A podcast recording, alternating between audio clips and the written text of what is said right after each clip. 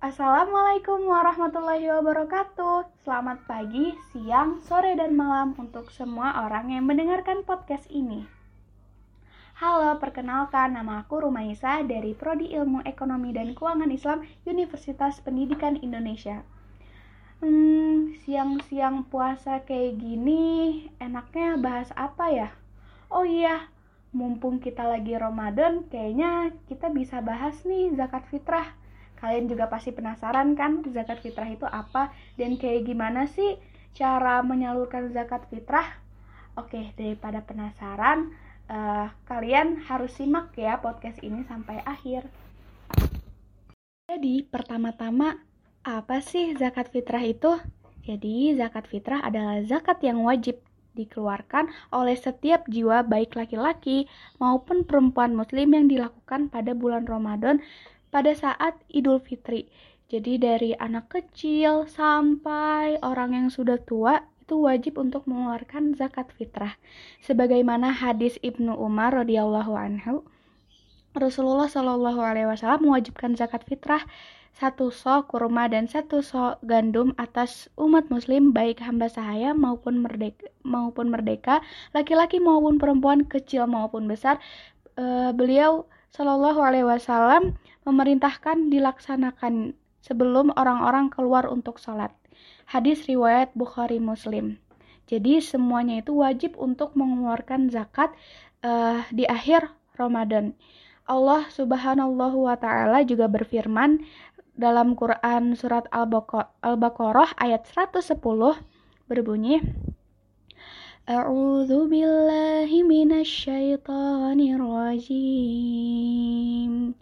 وأقيموا الصلاة وآتوا الزكاة وما تقدموا لأنفسكم من خير تجدوه عند الله إن الله بما تعملون basir dan dirikanlah sholat dan tunaikanlah zakat dan kebaikan apa saja yang kamu usahakan bagi dirimu tentu kamu akan mendapatkan pahala pada sisi Allah sungguhnya Allah maha melihat eh, apa-apa uh, yang kamu kerjakan. Jadi, uh, hukum dari zakat fitrah ini wajib bagi eh, orang-orang uh, yang mampu untuk mengeluarkannya.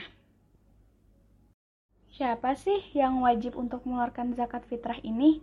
Jadi, zakat fitrah itu wajib ditunaikan bagi setiap jiwa yang beragama Islam, balik, berakal, merdeka, hidup pada uh, saat bulan Ramadan dan memiliki kelebihan rizki atau kebutuhan pokok untuk malam dan hari raya Idul Fitri. Jadi yang bagi yang kekurangan itu tidak wajib untuk mengeluarkan zakat fitrah ini. Nah, besaran zakat fitrah ini adalah beras atau makanan pokok seberat 2,5 kg atau 3,5 liter per jiwa atau per orang. Nah, para ulama di antara uh, di antaranya ada Syekh Yusuf Kordawi telah membolehkan zakat fitrah ditunaikan dalam bentuk uang yang setara dengan satu sok gandum, kurma, atau beras. Nominal zakat fitrah yang ditunaikan dalam bentuk uang e, harus disesuaikan dengan harga beras yang dikonsumsi pada saat itu.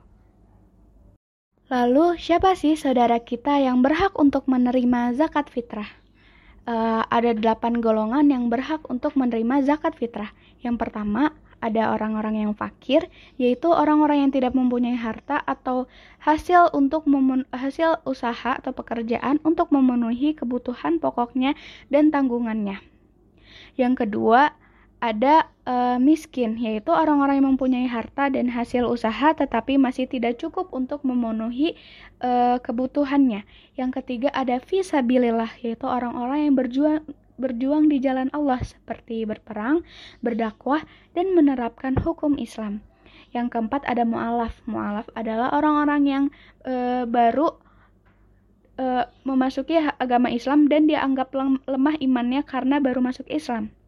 Yang kelima ada gharimin, yaitu orang-orang yang memiliki hutang, menanggung hutang, dan tidak sanggup untuk membayarnya. Yang keenam ada ibnu sabil, yaitu orang-orang yang uh, dalam perjalanan dan uh, kehabisan bekal uh, dalam perantauan. Yang ketujuh ada amil zakat. Amil zakat adalah orang-orang yang menyalurkan zakat kita. Yang terakhir, yang kedelapan yaitu rikop. Rikop adalah hamba sahaya atau budak. Terus, tahu nggak sih, ternyata ada loh orang-orang yang tidak boleh menerima zakat yang kita salurkan. Yang pertama ada muzaki. Muzaki adalah orang-orang yang memberi zakat atau orang-orang yang wajib untuk mengeluarkan zakat. Yang kedua ada kaya dan mampu. Yang ketiga ada kafir atau ateis yang tidak memiliki agama. Yang keempat ada Bani Hashim dan Bani Muthalib. Terus terus kayaknya aku juga belum jelasin ya jenis harta apa sih yang dizakatin di akhir Ramadan itu uh, benda-benda atau barang-barang yang bisa dipergunakan untuk membayar zakat fitrah adalah yang pertama ada bahan makanan pokok yang biasa dimakan uh, masyarakat setempat bisa berupa beras, jagung, sagu dan sebagainya. Nah, usahakan dan harus barang-barang zakat yang kita zakatkan itu adalah barang-barang yang berkualitas. Jadi uh, kita bisa menyesuaikan di mana kita uh, mengeluarkan zakat itu. Kalau misalkan di Indonesia sendiri karena kita uh, makanan pokoknya itu adalah beras, ya udah kita zakatnya adalah zakat beras.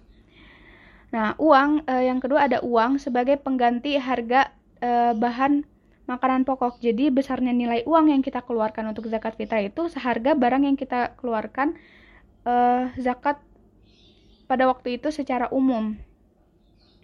Dari tadi aku udah jelasin nih pengertian dari zakat fitrah, syarat-syarat dari zakat fitrah, terus siapa aja yang berhak untuk menerima zakat fitrah, siapa aja yang nggak boleh, barang apa yang harus kita zakatin uh, pas zakat fitrah.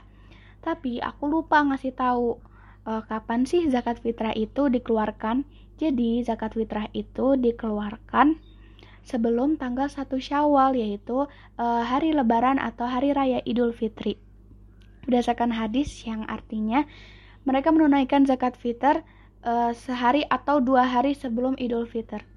Nah, berarti batas awalnya itu dua hari sebelum masuknya tanggal 1 Syawal dan batas akhirnya itu sebelum kita uh, menunaikan sholat Idul Fitri. Jadi mulai dari uh, mulai dari sekarang kalian bisa ingetin ayah kalian atau yang udah punya suami boleh ingetin suaminya untuk menunaikan zakat karena zakat ini adalah zakat yang wajib bagi yang bisa mengeluarkannya. Uh, dan termaksud juga rukun Islam. Uh, Oke, okay. cukup sekian dari aku, kurang lebihnya mohon maaf. Sampai jumpa di podcast selanjutnya. Wassalamualaikum warahmatullahi wabarakatuh. Terima kasih. See you.